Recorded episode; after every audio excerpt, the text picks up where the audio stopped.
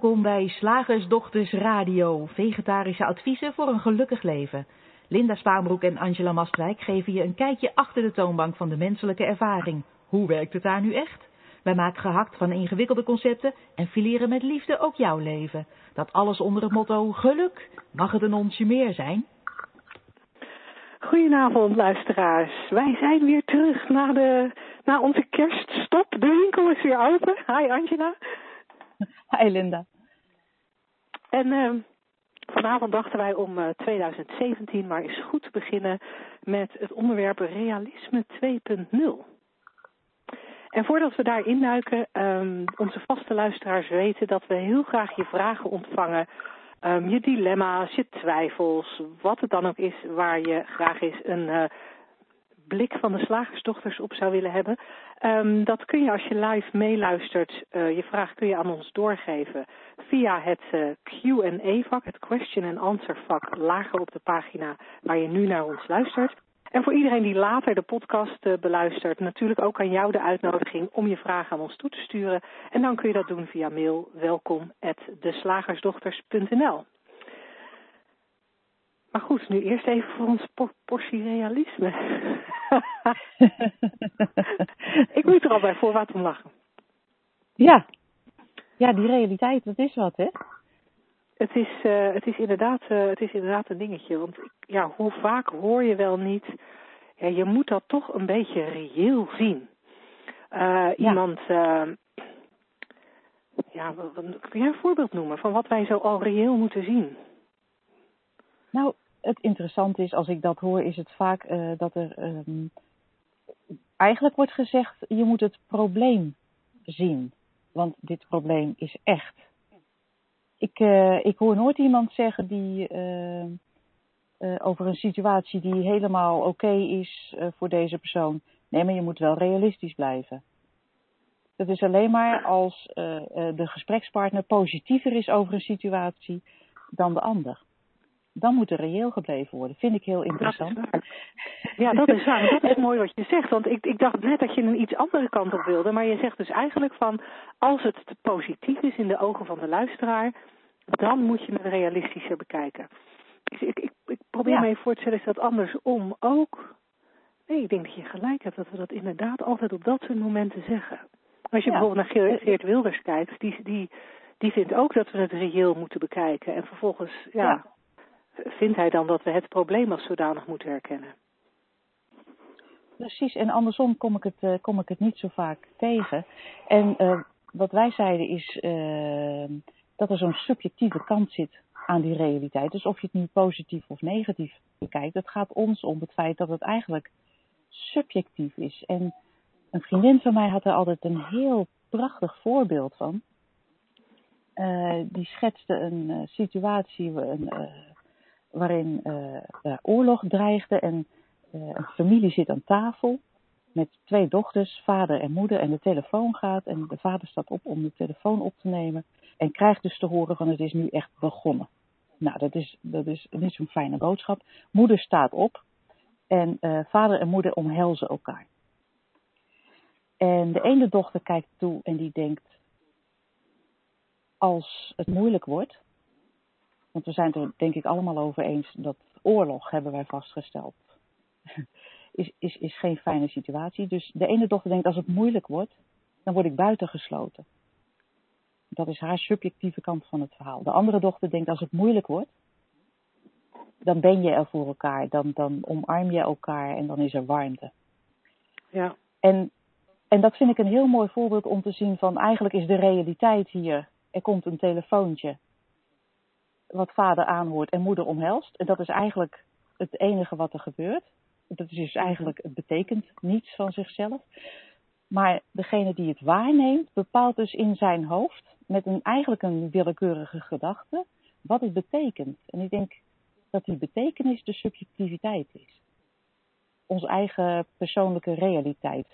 Uh, ja, omdat we, zo heel vaak, omdat we zo heel vaak verder gaan dan dan alleen maar de observatie. Hè? Die, die vader en die ja. moeder die elkaar omhelzen, dat kun je zien.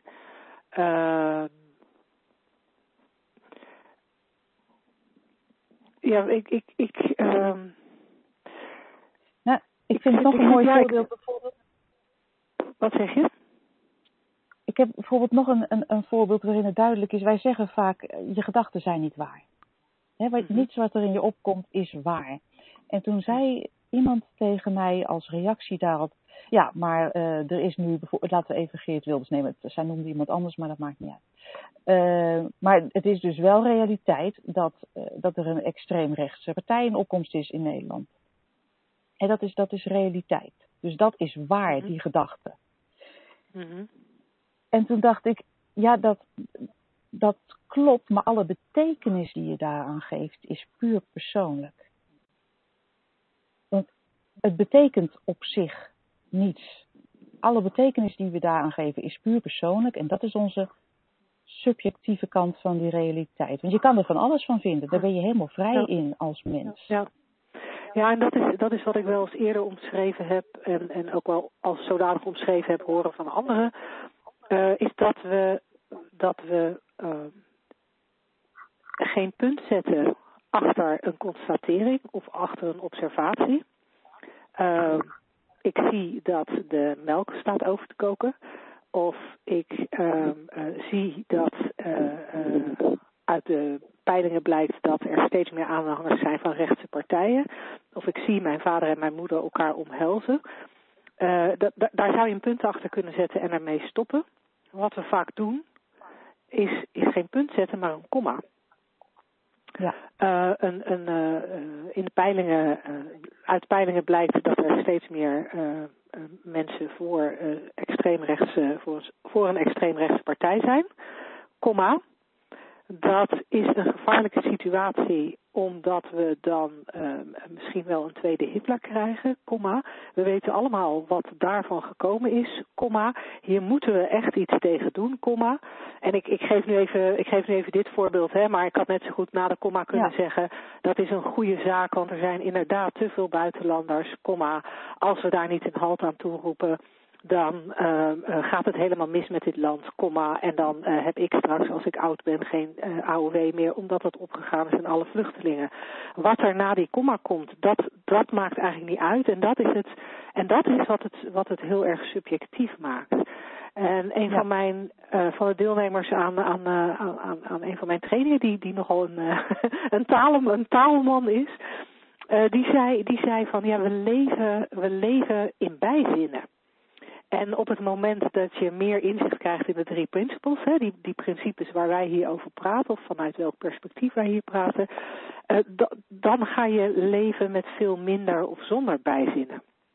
En, uh, ja, juist in die, in die bijzinnen zit die hele erge subjectiviteit. Die in mijn ogen niet erg is, dat mag. Uh, je mag zo subjectief zijn als je wilt. Alleen realiseer je dat als je die bijzinnen weglaat, het leven een stuk eenvoudiger wordt in de meeste gevallen. En niet altijd, hè, want op het moment dat ik uh, hele blije gedachten heb, um, um, de, nou, bijvoorbeeld uh, toen ik uh, ontdekte dat ik zwanger was. Oh, ik ben zwanger, komma. Dit is gaaf, ik krijg een kindje, komma. Oh, wat ben ik hier gelukkig mee, komma. En oh, wat zullen mijn ouders gelukkig zijn, komma. En als je het op die manier doet, dan ben je nog steeds uitermate subjectief bezig. Um, maar dan plaag je jezelf er niet mee. En op het moment dat je al die bijzinnen, ja, met al die bijzinnen eigenlijk stress en angst en gebrek aan vertrouwen bij jezelf, ja, fostert, dat is ook weer het Nederlandse woord daarvan, daarvoor, dan, dan, dan maak je het wel een stuk lastiger. Ja, precies. En wat ik daar ook graag aan wil toevoegen, want je beschrijft dat heel mooi, is dat uh, als je leeft zonder bijzinnen, wil dat niet zeggen dat je geen actie onderneemt. En ik vind dat een hele, heel belangrijk om dat te melden, omdat uh, wij zeggen bijvoorbeeld hè, over de opkomst van extreem rechts. Uh, uh, ook al heb je daar geen bijzinnen bij, kan je nog steeds geïnspireerd zijn om iets te doen. Mm-hmm. Maar zonder al die bijzinnen is het ook veel helderder welke kant je daarmee op wil.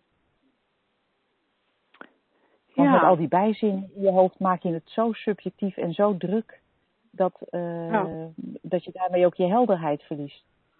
ja. Of het Ja, wat daarop eigenlijk. Ja, ja. Wat ik dan ook weer een interessante aanvulling vind, als we het hebben over die bijzinnen, ehm, dat je, eh, hè, dan- dan gaan we er eigenlijk vanuit van ja, je doet een constatering of je doet een observatie. En die observatie die is, tussen aanhalingstekens, waar. Ja. En ik weet van mezelf, en ik vermoed dat dat voor iedereen geldt. eh, ik weet van mezelf dat ik ook heel regelmatig observaties doe, die ik als een observatie zie, ehm, maar waar eigenlijk een, ehm, de bijzinnen al besloten liggen in, de, in de observatie, of waar, waar eigenlijk de subjectiviteit al in de observatie zit. Hè? Om een observatie te noemen waar iedereen het, vrijwel iedereen het met mij over eens zal zijn, de hypotheek moet wel betaald worden. Ja. Ik moet wel een dak boven mijn hoofd hebben. Mijn kinderen moeten wel naar een goede school.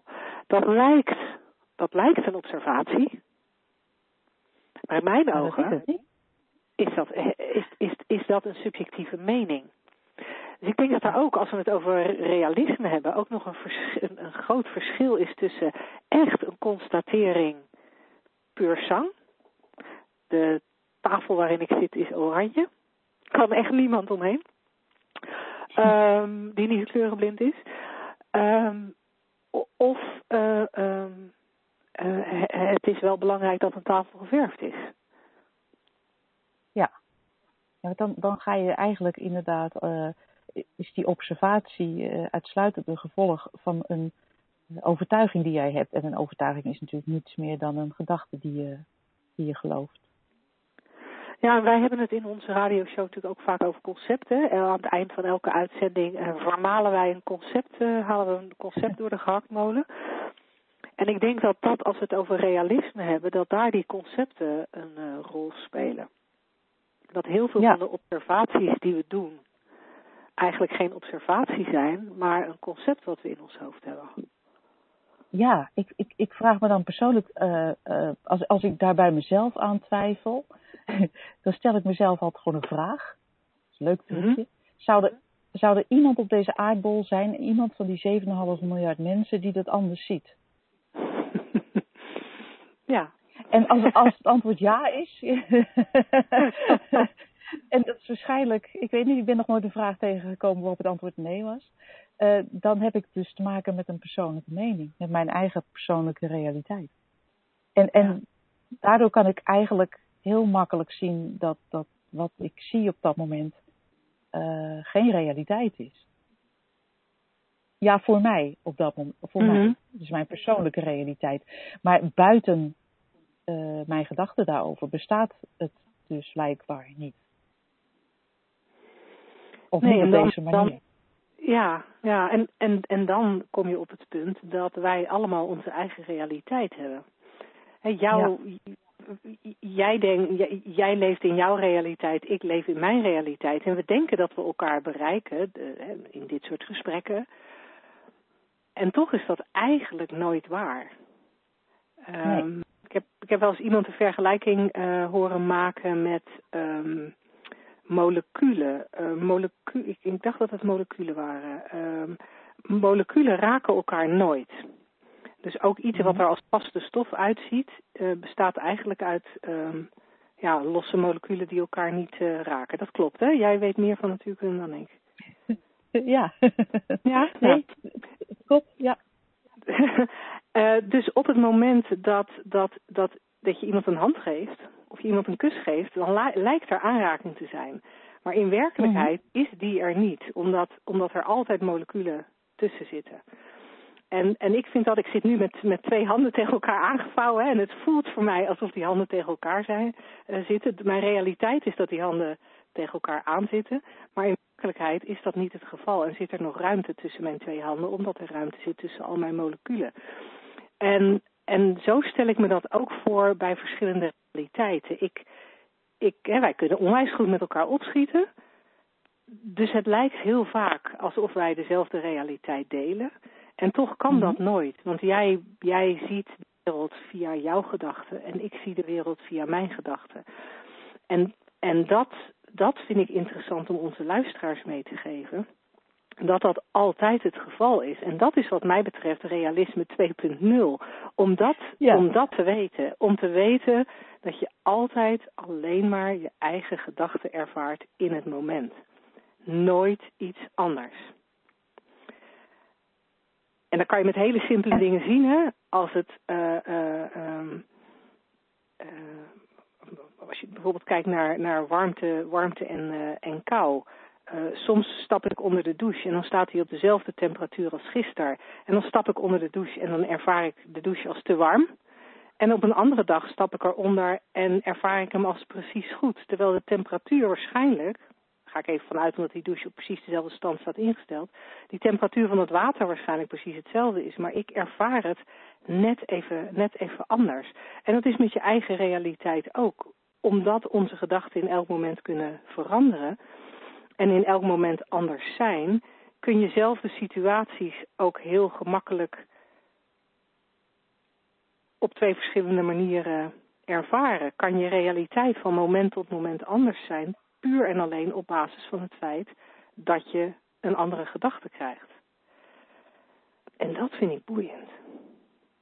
Ja, en dan zijn we ook bij het laatste punt aangekomen, denk ik. Dat, dat eh, zoals jij vertelt, kan je dus eigenlijk nooit tussen twee mensen vaststellen eh, van wat nu eigenlijk de realiteit is. Omdat die niet echt bestaat. Onafhankelijk van, eh, van, van, van, wie er, van wie er waarneemt. En dan worden dingen als, ik, ik hoor ook vaak, nee, maar je moet, hij heeft geen reëel toekomstbeeld. En dat is natuurlijk heel grappig. Alsof zoiets zou kunnen bestaan, alsof we voorspellende gaven hebben, alsof, alsof die realiteit überhaupt uh, uh, onafhankelijk is van uh, hoe wij hem waarnemen. Ja, ik vind het, de, je kan je eindeloos, ja. je eindeloos over verbazen.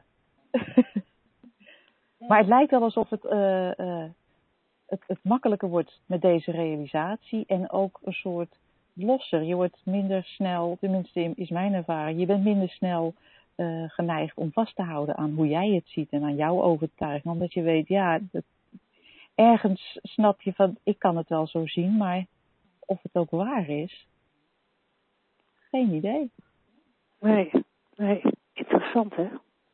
Ja. Zullen wij uh, naar ons volgende subjectieve onderwerp overgaan? Ja, laten we dat doen. Slagersdochters, wat zit er in de leverworst? Oftewel, tijd voor wat wetenschap. Ja, ik ben weer in, het, uh, in de wondere wereld van het brein gedoken. Geheel subjectief. Uh, communicatie van brein tot brein. Daar wordt vaak uh, over gesproken alsof dat onmogelijk zou zijn. We hebben het dan over telepathische gaven, wat al gauw een beetje afgedaan wordt als uh, uh, te zweverig en, uh, en onzin en onmogelijk misschien. Maar de wetenschap houdt zich er ook gewoon mee bezig en heeft daar al interessante dingen in ontdekt. Bijvoorbeeld deze. Ehm, door experimenten met aapjes te doen, hebben neurowetenschappers ontdekt dat communicatie van brein tot brein ja, ook wetenschappelijk bewezen mogelijk is. En wel als volgt. Uh, die aapjes die werden dus geleerd om een spel te spelen op een computer. Net als onze kinderen doen, beeldschermpje erbij en een joystick. Het was een heel simpel spelletje. Ze moesten een stipje naar een cirkel slepen. En als dat lukte, als dat stipje in de cirkel terecht kwam, dan kregen ze een sapje. Nou, die, die apen waren dol op dat sapje, dus die dachten dat is, uh, dat is uh, snel verdiend. Even met die joystick aan de gang. En Voilà, een lekker, uh, een lekker slokje. Nou, de hersengolven van die aapjes, die werden geregistreerd terwijl ze dat spelletje speelden. Dus er werd vastgelegd welke, uh, welke patronen uh, er in de hersenen plaatsvonden, terwijl de aap dus eigenlijk zijn hand en daarmee via zijn hand de joystick bestuurde. -hmm. En vervolgens sloten ze de hersenen van de aapjes rechtstreeks aan op de computer en haalden de joystick weg. ik vind dat eigenlijk te vreselijk voor, voor woorden, sorry. Maar dit, dit is uh, zoals het gebeurde. Uh, dus de joystick werd er tussenuit, tussenuit gehaald. Uh, het was aapje met computer. En wonderlijk genoeg hadden die apen al heel snel door dat zij vervolgens met hun gedachten, dus met een gedachtepatroon waarmee ze normaal hun hand aanstuurden, ja. dus het, stip, het stipje nu rechtstreeks konden aansturen. En daarmee dus dat sapje konden krijgen. Een soort free lunch, hè? Ultimate, uh, ultimate niks doen. Alleen maar denken aan, aan een stipje bewegen en hop. Ja. Wees je buikje weer, uh, buikje weer gevuld. En uh, nou, toen, toen die experimenten dus succesvol bleek, bleken, dachten ze, nou, dan moeten we dus ook met mensen mee aan de gang. Nou is het um, zo dat je natuurlijk niet, of natuurlijk niet, het is gelukkig zo dat je niet met mensen mag experimenteren met een, in hun brein, wat helaas bij het apisch blijkbaar wel mag. In ieder geval in 2013, toen deze, toen deze onderzoeken plaatsvonden. Maar op de Universiteit van Washington heeft men dus, is men dus met mensen gaan werken. Maar hoe hebben ze dat uh, gedaan om, te controleren of wij dat ook konden? Uh, ze hebben een, een, een, een, een soort badmuts gemaakt. Zo zie ik het ja. hier voor me. Een EEG-badmuts. Die dus ook uh, die hersenactiviteiten kon registreren. Mm. En wat ze vervolgens deden, ze, waren, ze gaven twee onderzoekers zo'n kap op, zo'n badmuts op. En uh, die twee mensen zetten ze op verschillende kanten van de, van de universiteitscampus in, campus in, in Washington. Ja. En de ene onderzoeker werd gevraagd een spelletje te doen, een schietspelletje. Um, of tenminste, hij moest er naar kijken. En als hij wilde schieten, moest hij denken, dat, moest hij eraan denken dat hij een, op een knopje drukte. Hij, hij moest in zijn hoofd doen alsof hij op een knopje drukte. Ja. Nou, zijn, zijn EEG-badmuts was verbonden met de, de mede-onderzoeker aan de andere kant van de campus. Mm-hmm. Ik zeg steeds campus, want ik lees dit in het Engels, maar het is natuurlijk campus. Die zat met zijn rug naar hetzelfde videospelletje toe. Hij had ook een, uh, een, ja, een koptelefoon op, zodat die geluidsdicht was. Dus hij kon niet horen wat er in het spelletje afspeelde. Ja. En hij had, hij had dus de joystick vast, of het knopje vast. Ja. En als er dus aan de ene kant van de campus werd gedacht, knopje, dan kregen de andere kant van de campus, door, door dat patroon te herhalen op zijn hersenen, kreeg hij Ja. de impuls om zijn hand te bewegen op het knopje te drukken. Zonder dat hij zag wat er aan de Ja. hand was. En zonder... Bizar. Ja, en, en die, degene die dus eh, die impulsen kreeg op zijn, dus via zijn hersenen en daarmee op het knopje drukte, die zei, en dat is het meest interessante van dit onderzoek. Hij zei, de eerste keer realiseerde ik me niet eens dat mijn hand bewoog. Hij zat gewoon te wachten tot er iets zou gebeuren. En hij was eigenlijk gewoon toeschouwer terwijl zijn hand bewoog. En dat is een belangrijk aspect. Ja, dat is een belangrijk aspect. Hij zegt dat het, het is dus niet dat de ontvanger van de gedachte de gedachte in zijn hoofd krijgt als een zinnetje, zo van als opdracht, nu moet je op het knopje drukken. Maar de ontvanger, en dit is heel belangrijk, weet niet dat het zijn eigen gedachten niet zijn. En dat vind ik zo interessant. Dus hij weet niet dat het zijn eigen gedachten niet zijn en toch drukt hij dan op het juiste moment op dat knopje. Hij krijgt gewoon die impuls. En omdat wij over Three Principles, eh, in de Three Principles vaak zeggen, eh, ja, gedachten komen gewoon op. Weet jij waar ze vandaan komen? Gewoon uit, eh, om de, eh, uit de intelligentie van alles. Dat is een, voortdurend ja, een voortdurende productie van gedachten. En die komen op en die, en die gaan weer. En ja, soms pak je ze vast en dan heb je een, maak je er een probleem van. En dan denk ik, wauw, het is dus echt zo dat jij ook op deze manier is dat bewezen. Dat je ergens anders vandaan, uit iemand anders zijn brein, gewoon een impuls kan krijgen om iets te doen. Zonder dat je doorhebt dat het jouw gedachte niet is. Ik vond het fascinerend. Dat is inderdaad fascinerend. Want dan, Ja, Ja, je kan er bijna niet bij, hè? Want ook, ook, ook gewoon Nee, de, hè? implicatie, de implicaties daarvan enorm. eh, haalt, haalt ook helemaal het individualisme weg. Hè, waar, we, Ja. waar we als mensen graag denken dat wij als individu uniek zijn. Ja. Eh, ja, lijkt het hier bijna alsof we een soort, eh, een soort marionetten zijn. Die, die gedachten van willekeurig waar krijgen. En, en daarop reageren. Ja. Ja, bijna eng, hè? hebben wel. Het is, het is bijna eng, maar ze hebben gelukkig ook eh, leuke toepassingen verzonnen. Eh, onder andere eh, dat, dat, je dus met het stimuleren van hersenpatronen ontbrekende ledematen kan besturen. Hè, waar dan dus een artificieel ledemaat voor is. Een kunstbeen kunt besturen bijvoorbeeld.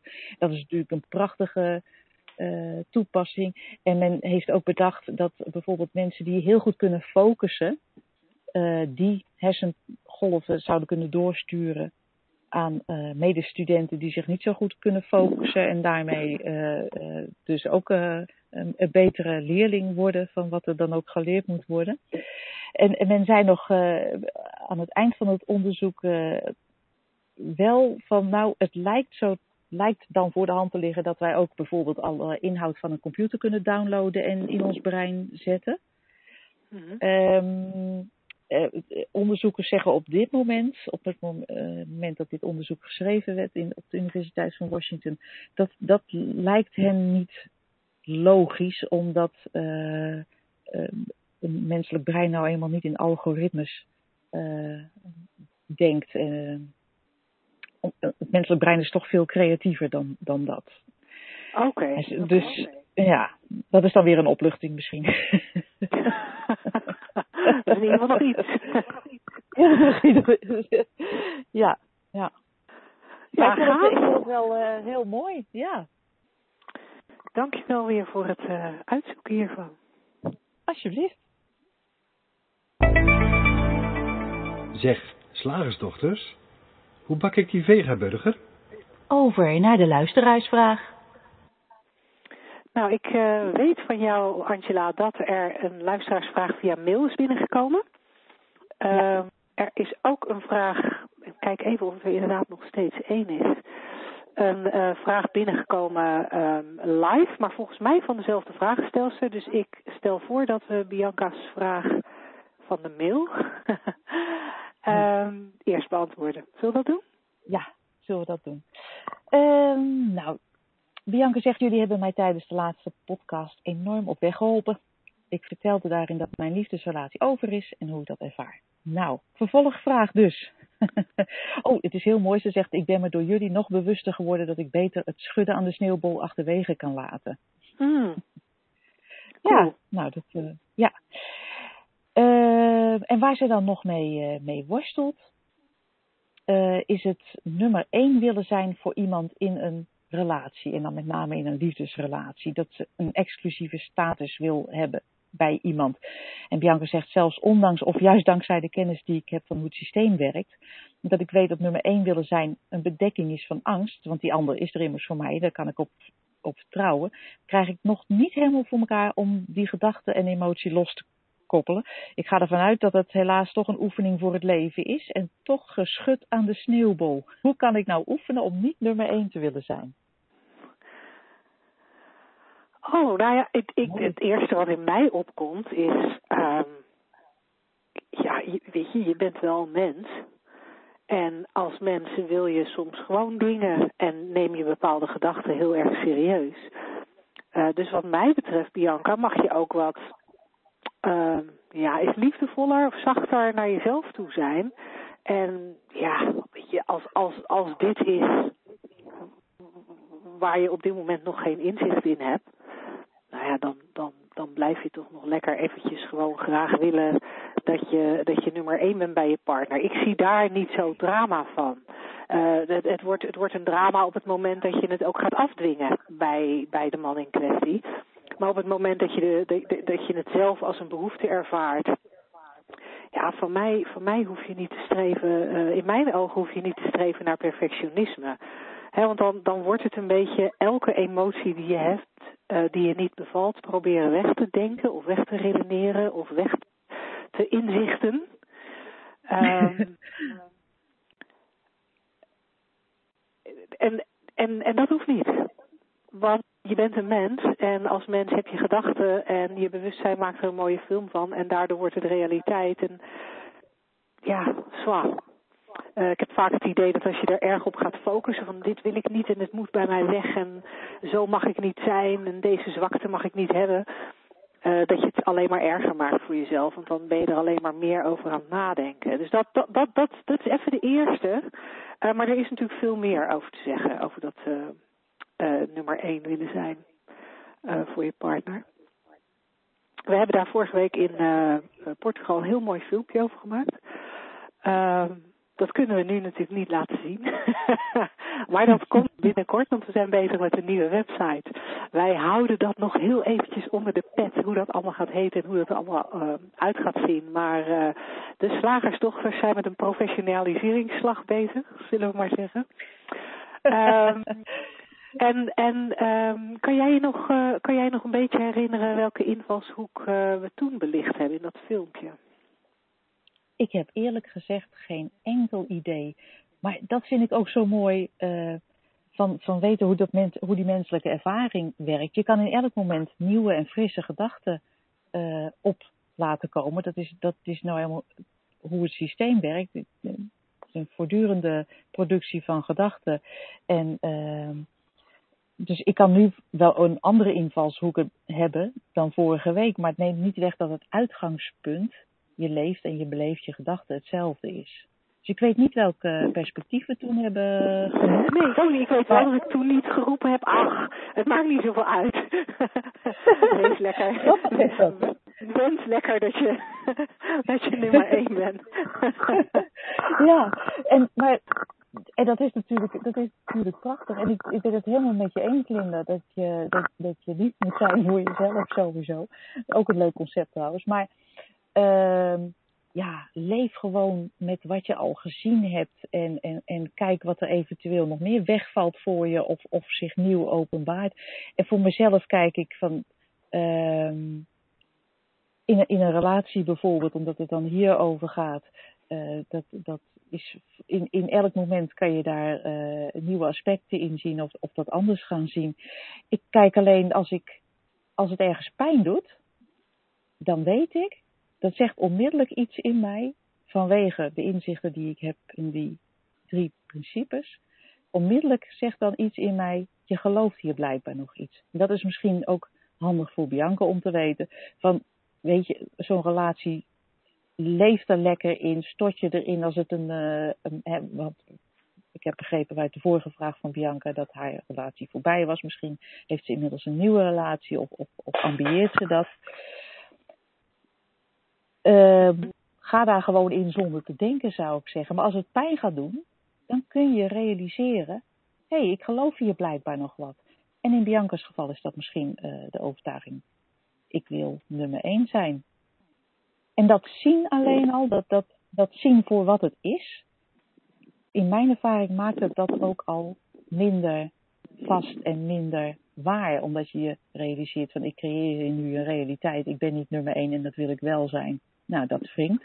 Mm-hmm. Dat is gewoon eigenlijk handig om te weten. Maar ik ben het helemaal met jou eens, Linda, als je zegt uh, relax. Ja, ja. ja. Ja, en als ik het, als ik het heb over, of als ik denk over nummer één zijn bij iemand, uh, ja, als we het nou over realisme hebben, uh, dan denk ik dat we als mensen zo geprogrammeerd zijn dat we altijd zelf bij onszelf op nummer 1 staan. Ja. Dus dat je, dat je, ik bedoel, ik, daar kunnen we heel altruïstisch naar kijken. Uh, maar ik denk dat we zo geprogrammeerd zijn. En, en, en ook wat, wat ik daar straks al zei van, je hebt altijd alleen maar je eigen realiteit. Je, je leeft, zoals ze in het Engels zeggen, altijd in separate realities met je partner. Dus het kan ook nog heel goed zijn dat wat hij ervaart als jou uh, er totaal voor jou zijn en, en, en de, jij bent de belangrijkste persoon in zijn leven, naast hemzelf, dat, dat dat voor jou nog steeds kan voelen als niet op nummer één komen, omdat ook daar die separate realities zijn en hij jullie relatie vanuit zijn separate realiteit bekijkt en jij vanuit die uh, van jou. Ik moet denken aan die, uh, aan, de, aan die sneeuwbal die Bianca in haar vraag ook noemde, waar we het uh, dan in de, in de laatste uitzending voor de kerst over hebben gehad. Dat ehm, eigenlijk leef, leef jij in zo'n sneeuwbal en hij leeft in zo'n sneeuwbal.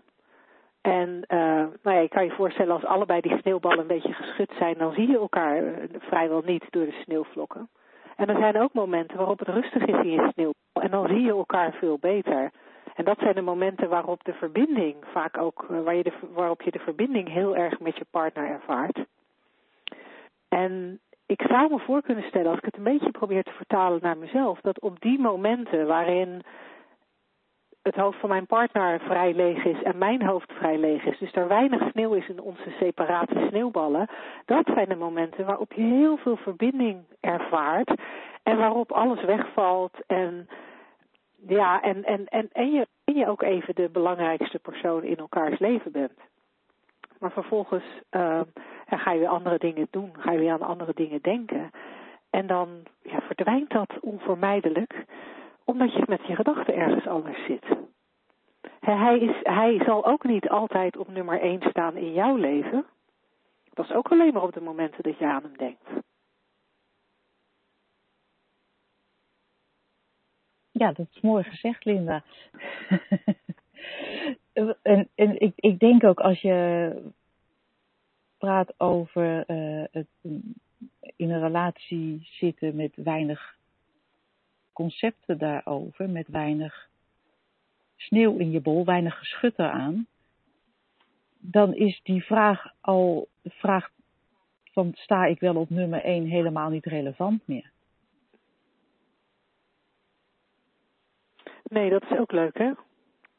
Dat dat dan wegvalt. Ja. Of, of hij komt nog een keer op en je denkt, oh, dat was ook een, ja, die gedachte heb ik al eens eerder uh, gerecycled. ja, ja. ja, die gedachte ben ik al eerder tegengekomen. Ja, dat, en dat, ja, jij lacht er nu heel erg om. En, en, maar ik herken dat heel erg. Ik heb gedachten die ik recycle. Zeker ook over, ja, ik, over, over, het, uh, over relaties. En ik doe er niet veel mee. Omdat ik inmiddels weet dat het, dat het echt alleen maar gedachten zijn. En dat ik het beter maar gewoon even kan laten. En dat ook alles wat ik daarbij voel, dat dat, uh, dat, dat vanzelf weer verdwijnt. Ik, ik, um, om een voorbeeld te geven, um, ik, ik kan soms nog best wel onzeker zijn in mijn relatie. En, uh, en denken van, god ja, ik ben natuurlijk niet leuk genoeg of niet goed genoeg voor de man of nou wat dan ook. En, um, en, en, en in, in een vorige relatie had ik ook wel wat uh, aanknopingspunten om, uh, om wat onzeker te zijn aanknopingspunten. Hè. Ik zeg niet dat het waarheid was, maar daar vond ik wel aanknopingspunten. Maar vervolgens uh, kreeg ik in het voorjaar een nieuwe partner. En wij gingen samen en met onze kinderen met een camper door Scandinavië trekken. En, en we waren helemaal happy de peppy. En het ging allemaal helemaal goed. De reis ging goed. Tussen ons ging het goed. En met de kinderen ging het goed. Dus echt geen sneeuw, geen sneeuwvlokje aan de lucht. Het, het, het paste allemaal perfect in elkaar. Er was geen gedoe over wie welk taakje deed. Helemaal niks. En wat deed ik, of wat deed mijn brein?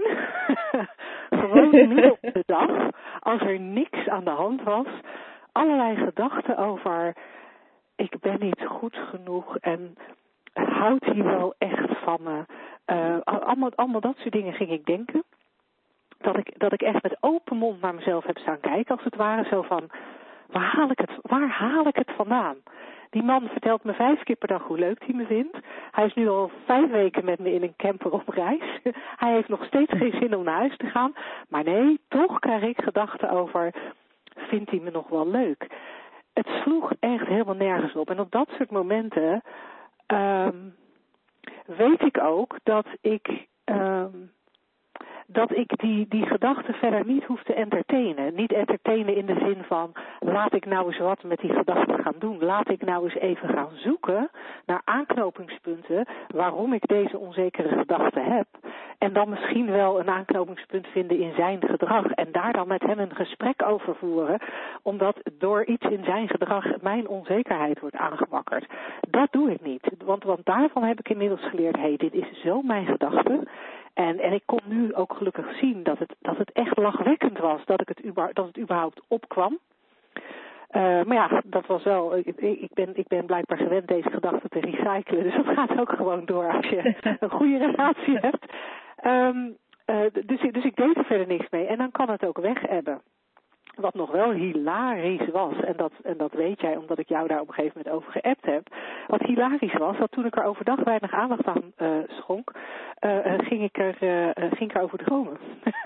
en, en, toen, en, en toen ik jou dat appte, toen, toen had jij zoiets van, oh wat een geweldige film, pak er een bak popcorn bij, een bak popcorn mee naar bed. dit, zijn de leukere, dit zijn de leukere films. En, en dat vind ik wel een hele hele lekkere, lichte manier om er naar te kijken. Oh, Bianca met haar, ja, met haar gerecyclede gedachten over op nummer 1 willen staan. En, en uh, uh, ja, nou ja, ja pak, er, pak, er, pak jij daar de volgende keer ook eens een bak popcorn bij als dat weer in je opkomt. En ja, en glimlach om de film die weer, uh, ja, die, die voor de zoveelste keer een herhaling is. Ik zeg ook wel eens, ik, in, in andere gevallen, niet zo specifiek in dit voorbeeld, maar ik, ik praat ook nog wel eens over gedachtentreinen. En, mm en er zijn van die gedachtentreinen, die zijn al lang uit de dienstregeling uh, uh, genomen. Uh, maar op de een of andere manier weet die gedachtentrein dat zelf niet en gaat hij op onverwachte momenten ineens weer rijden. en bij mij is die onzekerheidstrein is er zo één. Die, die, die, heeft echt geen functie meer. Er staat niemand bij de halte op hem te wachten. Er heeft niemand een kaart voor hem gekocht. maar af en toe gaat hij gewoon weer rijden. En, en dan is het heerlijk om op het perron te staan en hem gewoon maar voorbij te laten rijden. En er niet op te springen en er iets serieus mee gaan doen. Ja, mooi beeld. Ja, en ik hoop, uh, Bianca, dat hij een beetje aansluit bij, uh, dat de verschillende invalshoeken die we gegeven hebben een beetje aansluiten bij, uh, nou ja, bij iets wat jou inzicht geeft en wat jou verder helpt. Um, jouw volgende, jouw andere vraag, Bianca, die bewaren we voor, uh, voor volgende week.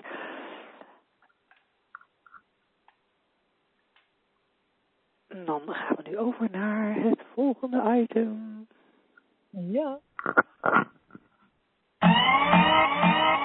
Woensdag, gehaktdag. Zeg slagersdochters, welk concept gaat er vandaag door de molen? Het concept wat vandaag door de molen gaat. Ik moet even bladeren in mijn boekje. We hebben hem ook nog verwisseld, Linda. Want uh, omdat het het eerste showtje van dit jaar is, hadden wij bedacht dat wij het concept Dit wordt jouw jaar door de gehaktmolen zouden gooien. Met liefde. Jee! Wat hoe vaak ja, hoor je die niet? Oh, ja. heel Facebook staat er vol mee met terugblikken op, uh, op, het, op 2016 en, en wat 2016 allemaal wel niet gebracht had. Vond ik ook zo interessant, alsof zo'n jaar jou iets kan brengen. Ja. ik zag het helemaal voor met 2016 in het druk in de weer met allemaal ellende beginnen. want dat schijnt dus een vreselijk jaar geweest te zijn in het kader van allerlei uh, uh, dode beroemdheden en andere ellende. Aanslagen ja, ik moest dat ook op internet lezen dat 2016 echt een heel erg jaar was. Persoonlijk heb ik wel genoten, ja. maar... Ja. En, en, en hetzelfde geldt dus blijkbaar voor, uh, voor dit jaar, 2017. Dat kan dan jou ook iets brengen. Heel interessant, ik zie het voor me. En namelijk dat dit jouw beste jaar ooit wordt. Het heeft natuurlijk ja. ook te maken met dat, dat wij dan, omdat het toevallig 1 januari is, een volstrekt menselijk bedachte uh, uh, datum, uh, dat wij dan ineens denken, oh, ik moet nieuwe dingen gaan doen, betere dingen gaan doen, goede voornemens. Het moet anders, het moet uh, over een andere boeg. En dit wordt mijn jaar. En ik vertaal dat altijd van er gaan dingen gebeuren die ik wil.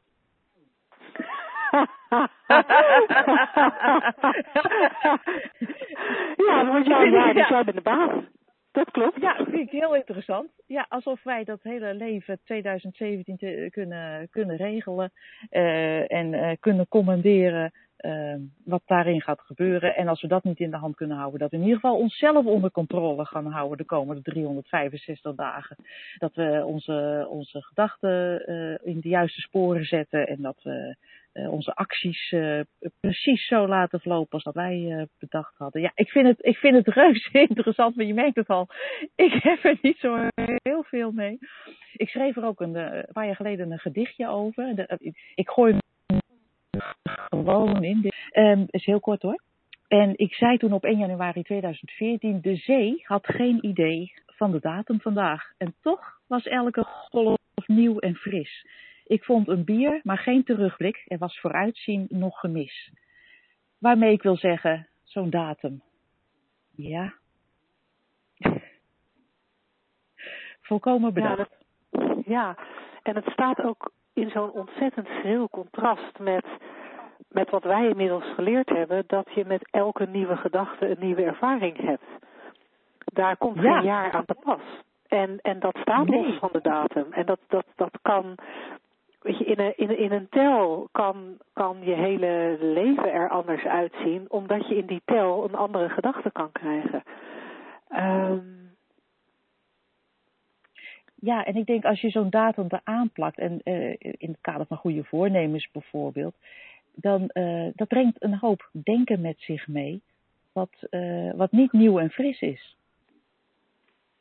kan, kan je daar iets meer over vertellen? Nou, jij, jij zegt heel, heel, ja, jij zegt heel terecht van ehm uh, dat je in elk moment een andere gedachte kunt hebben en dat de datum daar niets mee te maken heeft, omdat dat in elk moment nu eenmaal mogelijk is, omdat het systeem zo werkt.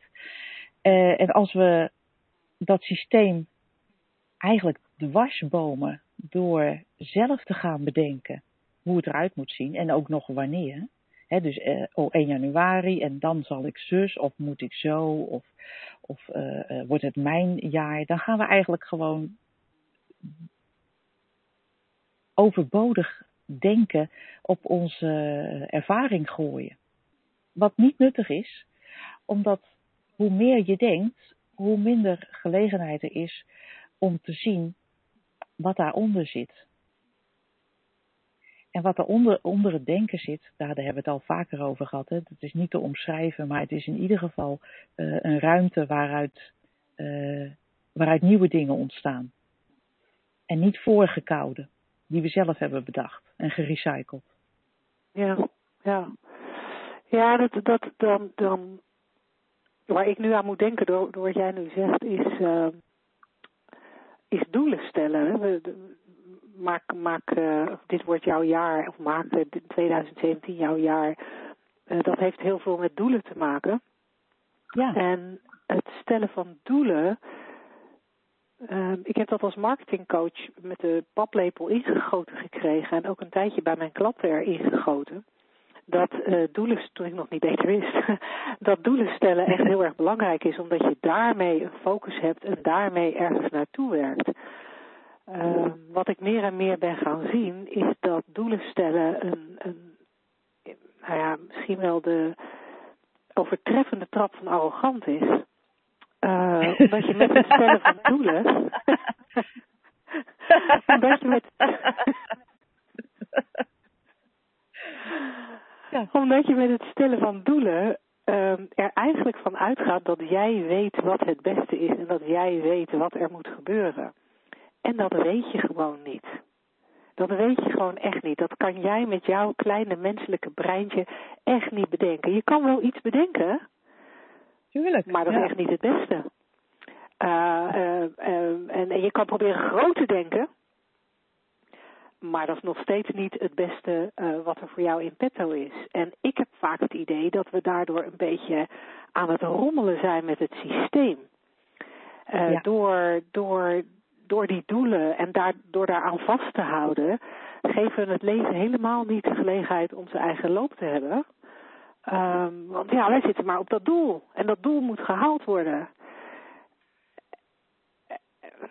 Ja, ik, ik weet niet of, of ik wil er heel graag meer woorden aan spenderen. En tegelijkertijd denk ik, misschien heb ik wel mijn punt gemaakt.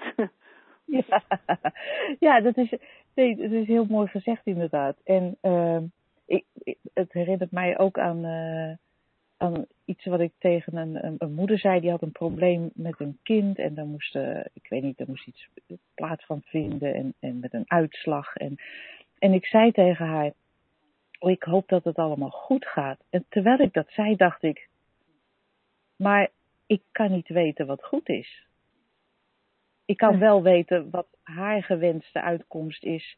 En dan willen voor haar dat die uitkomst ook daadwerkelijk uh, het resultaat zal zijn. Maar wat jij zei inderdaad, het is nogal arrogant om, uh, uh, om ervan overtuigd te zijn dat wij weten welke kant het op moet. Hoe het jaar eruit moet gaan zien. waar we heen moeten. Dat, dat is niet aan ons dat is denk ik uh, wat wij steeds uh, uh, dieper zien. En dat maakt ja, het ook allemaal zo veel meer ontspannen. Ja. ja, dan komt natuurlijk wel een beetje de vraag boven aan wie is het dan wel? Hebben de slagersdochters het over God? nou, ik denk dat de slagersdochters, als we het over de drie principes hebben, in ieder geval een van die principes is mind. Uh, uh, dat we het dan hebben over de intelligentie van alles. En dat is natuurlijk zo prachtig waar te nemen in de natuur. Hoe, de, jij, jij, was hier vorige week in Portugal, was helemaal gezellig. En het was helemaal groen van de klavers. En uit die, uit die klavers groeit dan zo'n geel bloemetje. Uh, waarvan je de stengels zo fijn kan eten. En die bloemetjes die gaan pas open als zij denken van nou, het, het, het, het schijnt genoeg zon, het is warm genoeg. Dan gaan ze helemaal open en anders zijn ze, zoals ochtends vroeg, zijn ze, zijn ze dicht. Dat gaat helemaal vanzelf. Ze hoeven er niet Ja. over na te denken. Er is niemand die dat, uh, niet, die dat bestuurt. Er gaat geen gong in Portugal. Jongens, het is nu 15, 15 graden of uh, half elf even open al die, al die, uh, al die knopjes. Dus er, is, er wordt ook niet uh, bedacht van het is vandaag mijn doel om uh, de hele dag open te blijven. Ook al schijnt die zon niet, want dit wordt mijn dag. Of desnoods om heel 2017 te shinen, want dit wordt mijn jaar. Nee, er zit, er zit, een, zit een, een, diepere intelligentie achter die, dit, die, die, die je inderdaad als mens niet kan bevatten. Maar die tot uitdrukking komt in alles, ook in, in ons eigen lijf, hoe je natuurlijk uh, alleen al dat spijsverteringssysteem, je gooit er wat in en, en dat wordt allemaal gebruikt wat nuttig is en wat niet nuttig is, dat komt er dan ook weer uit. Het is fenomenaal hoe het zich allemaal afspeelt en uh, hoe, hoe, dat, hoe dat leven zich ontvouwt. En dan hebben wij met onze, met, ik weet niet hoe jij dat zo leuk noemde, met onze kleine hersenen geloof ik, uh, de arrogantie om te denken, nee, oké, okay, dat is allemaal mooi en aardig, die oneindige intelligentie van alles, maar ik neem het hier wel over. Ik zorg Ja. gewoon, uh, want ik heb namelijk een doel wat uit moet komen, ga ik heel hard aan werken, of ik ga heel hard werken aan mijn gedachten daarover, of ik ga heel hard werken uh, aan, aan mijn visie hierop, of weet ik veel. Um, ja, helaas, of eigenlijk gelukkig maar, werkt het niet zo. Nee, en, en, en mocht, mocht een van onze luisteraars nu denken, maar nou lijkt het wel alsof ze zeggen dat het eigenlijk, um, dat ik geen doelen hoef te stellen en dat ik eigenlijk dus niet zo hard mijn best hoef te doen. Want het leven heeft zijn beloop toch wel? Ja, inderdaad, dat zeggen wij. dat is precies wat we zeggen. ja, en Angela zei eerder deze zending al, hè, toen we het over realisme hadden, van uh, dat, dat, dat zal echt niet betekenen dat je niks meer doet. Het zal echt niet betekenen dat je op je stoel gaat zitten en niks meer doet. Maar het betekent wel dat je met meer vertrouwen de dingen kan doen waar je je toe aangetrokken voelt. In plaats van vanuit angst uh, dingen doen omdat je denkt dat ze moeten. En, en als we het hebben over uh, maak 2017 jouw jaar. en, het, het, en, en de doelen die we daar dan bij stellen, in mijn ervaring hebben dat soort doelen, hebben alle doelen, altijd die ondertoon van, van angst. En we weten dat heel mooi te verpakken. En je praat echt tegen de queen of uh, doelen mooier maken dan ze zijn. Weet je, dat kunnen, dat kunnen we heel mooi verpakken als um, ja, ik wil mijn talent ontwikkelen. En, um, en echt iets betekenen voor de maatschappij. En iets neerzetten waar ik andere mensen mee help. En daarom stel ik dit doel. En dan klinkt het, opnieuw weer dat woord, heel altruïstisch. Um, maar als je een beetje dieper kijkt, zijn ook dat soort doelen altijd gestoeld op ik wil iets neerzetten voor de wereld, want anders heb ik geen betekenis. En zit daar dat angstje. Uh, of ik wil andere mensen helpen, want anders ben ik niet goed genoeg. Er zit altijd, er zit altijd zo'n angstje onder. En op het moment dat je wat dat betreft met meer vertrouwen kan leven, dan zal je nog steeds dingen doen die je inspireren. Maar dan komen ze veel meer vanzelf. Zeg ik dat op een manier zoals jij het ervaar, ook ervaart? Ja, ja jij, jij zei het laatst ook. Uh, je merkt dat je het al aan het doen bent. Of al gedaan bent. Zonder al te veel uh, poespas eromheen in je hoofd. Ja, dat je, je bedoelt dat je een bepaalde stap al gezet hebt. Bedoel ja, je dat? Inderdaad. Ja, ja inderdaad. Want, uh, als, want de doelen waar je het over hebt, uh, dat is toch altijd van, want uh, alles wat je wil, zo zie ik het tenminste. Alles wat je wil, als je dat uit gaat pluizen, wil je dat alleen maar omdat je denkt, als, als ik dat bereik, voel ik mij beter dan nu. Ja. En ondertussen zie je heel helder dat, dat al die gevoelens waar je dan naar streeft, uh, al in jou aanwezig zijn. En dus niet uh, in een toekomst beleefd kunnen worden na het bereiken van iets, maar dat ze er nu al aanwezig zijn. En als je daar wat in ontspant, uh, zoals jij ook terecht zegt, in vertrouwen kan, kan leven, dat dat, dat, dat, uh, dat dat leven toch wel uh, zich ontvouwt, dan is dat je uitgangspunt al. Dan is het, je, ja. je, je voelt die mooie gevoelens al. En ja, dan, en dan onderneem je actie. Ja, ja. Ja, en dan onderneem je actie vanuit veel meer vrijheid. Ja. Dat vind ik vooral Precies. zo mooi. Wat, ja, overigens, wat overigens niet betekent dat ik altijd in alle gevallen dit zie hoor. Dat wil ik wel even gezegd hebben. Nee, Want ik ook niet. Er, zijn vlakken in mijn leven waar ik het heel helder zie. En er zijn vlakken in mijn leven waar ik het absoluut niet helder zie. En waar ik gewoon vrolijk meega in de illusie. uh, maar ik heb wel gemerkt dat, dat daar waar ik het wel zie, ook al is dat misschien maar een fractie van, van alles, uh, dat geeft al zoveel vrijheid en zoveel meer welzijn en ontspanning en rust en inspiratie. Uh, dat dat ook al cool is. Dus, dus, dus dit even speciaal voor de luisteraars die net als Bianca, uh, uh, zoals we net een beetje observeerden bij Bianca, misschien erg perfectionistisch aan de gang willen. En, en overal vertrouwen in willen hebben van zichzelf.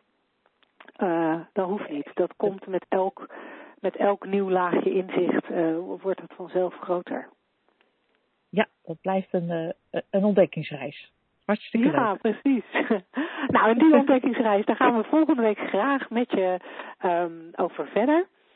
Uh, en we gaan daar heel graag uh, dieper met je op in tijdens het relatieweekend op 4 en 5 februari.